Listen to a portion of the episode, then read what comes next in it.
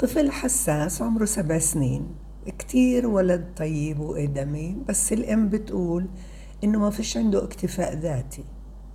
بعدين بفهم إنه بضل يسأل أخته الصغيرة كل يوم الصبح بس يقوم بتحبيني؟ بتحبيني؟ والأم بتقول قولي لي بحبك قولي لي بحبك. وكل يوم بطلب هذا من أخته الصغيرة. كيف أحسسه إنه هو اكتفاء ذاتي وما يتأثر من الكلام؟ أنا مش قادرة أفهم ليش أنت مزعوجة. يعني ما فيش أي سبب يزعجك. طفل اللي بطلب وهي حاجة عاطفية كل إنسان محتاجها. حب مش بس حب اطمئنان ومش بس اطمئنان. عندي نموذج عندي إنسان اللي بدي أقلده بدي أقلد سلوكه بدي أقلد طريقته.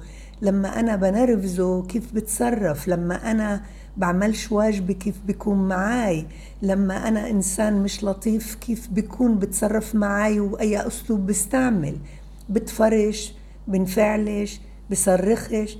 هو طفل حساس وهالقد هذا الطفل أنا معجبة فيه. مش بس حساس بفرجيك قديش هو حساس. قولي لي بتحبيني. آه قولي لي بحبك. خليه يقول لأخته خليه يقول لك هذا بحتاجه بس كمان شوي مش رح يقول.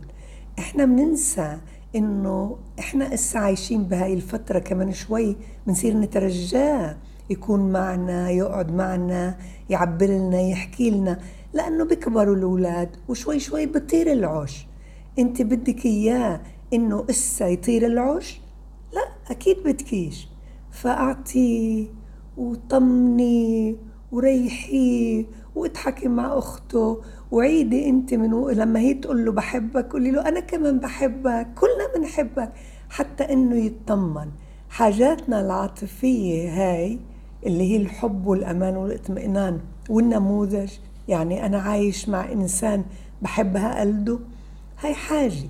بعدين كمان بدك توفري له بيئة مثيرة لعقله يعني تحفزيه إنه يصير بده يستخدم ذهنه في حل مسألة ببناء مثلا مجسم ببناء بازل هاي حاجة كمان اللي بدك توفري له بيئة اللي تثير له عقله بيئة تثير له عاطفته كمان. يعني عنده موهبة.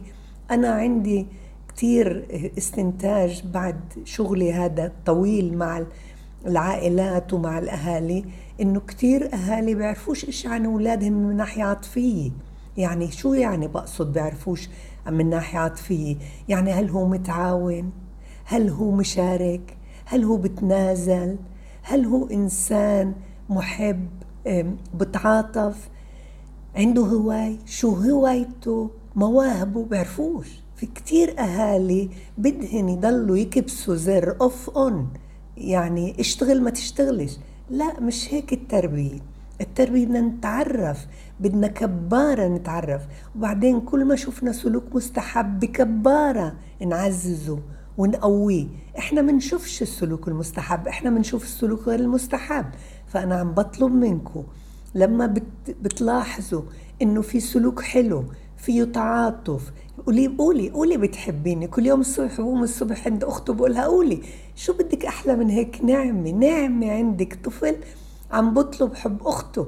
أغلب الأمهات والأباء بيشكوا من مشاكسته من تنمره. أنت عندك ولد ملاك حساس. هذا بدك تعززيه على إنك تضلك تفرجيه قديش إحنا بنحبه أنا بعرف إنه في كتير أولاد قبل ما يناموا بيسالوا بقول لها ماما بتحبيني؟ بس تغطيه. كل الأطفال بتحب تطمن إنه أنا محبوب. أنا عند حسن ظنك بتحبيني؟ مرات كتير. بهي بضحكني إنه بطلب أكتر. بتحبيني أكتر من أختي؟ بتحبيني أكتر من أخوي؟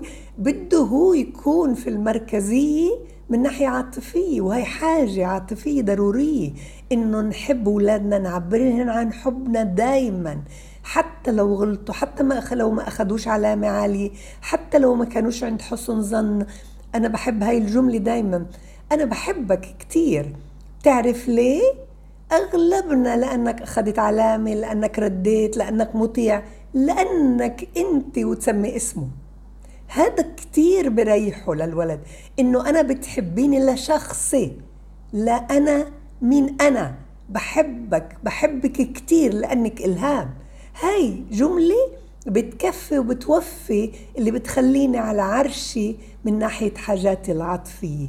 ضروري. في كتار بيقولوا تندمت اللي ما قلتش لأمي بحبك اللي تندمت اللي ما قلتش لحدا. كان لازم هقول له بحبك قد ما كنت أحبه ما عبرتلوش. التعبير عن الحب نربي أولادنا على أنهم يتعودوا يقولوه. هي مش اكتفاء كيف أحسسه بالاكتفاء؟ وما يتأثر. كيف يعني؟ لا بدي أحسسه بأنه لما بقولها قولي بحبك أنا كمان بحبك. يعني تعزيز كل الحاجات العاطفية وتكرار قولها. أقولها حتى إني أريح. وبعدين هذا الطفل لأنه حساس كتير. أنا بقول الأطفال الحساسين بجيبوا السلام للعالم. هذا بدك توفري له كمان بيئة مثيرة لجسمه حتى إنه يعمل تنفيس لأنه كتير بيكون مضغوط بحاجته العاطفية. تنفيس عن الضغوط بالحركات والأنشطة الحركية.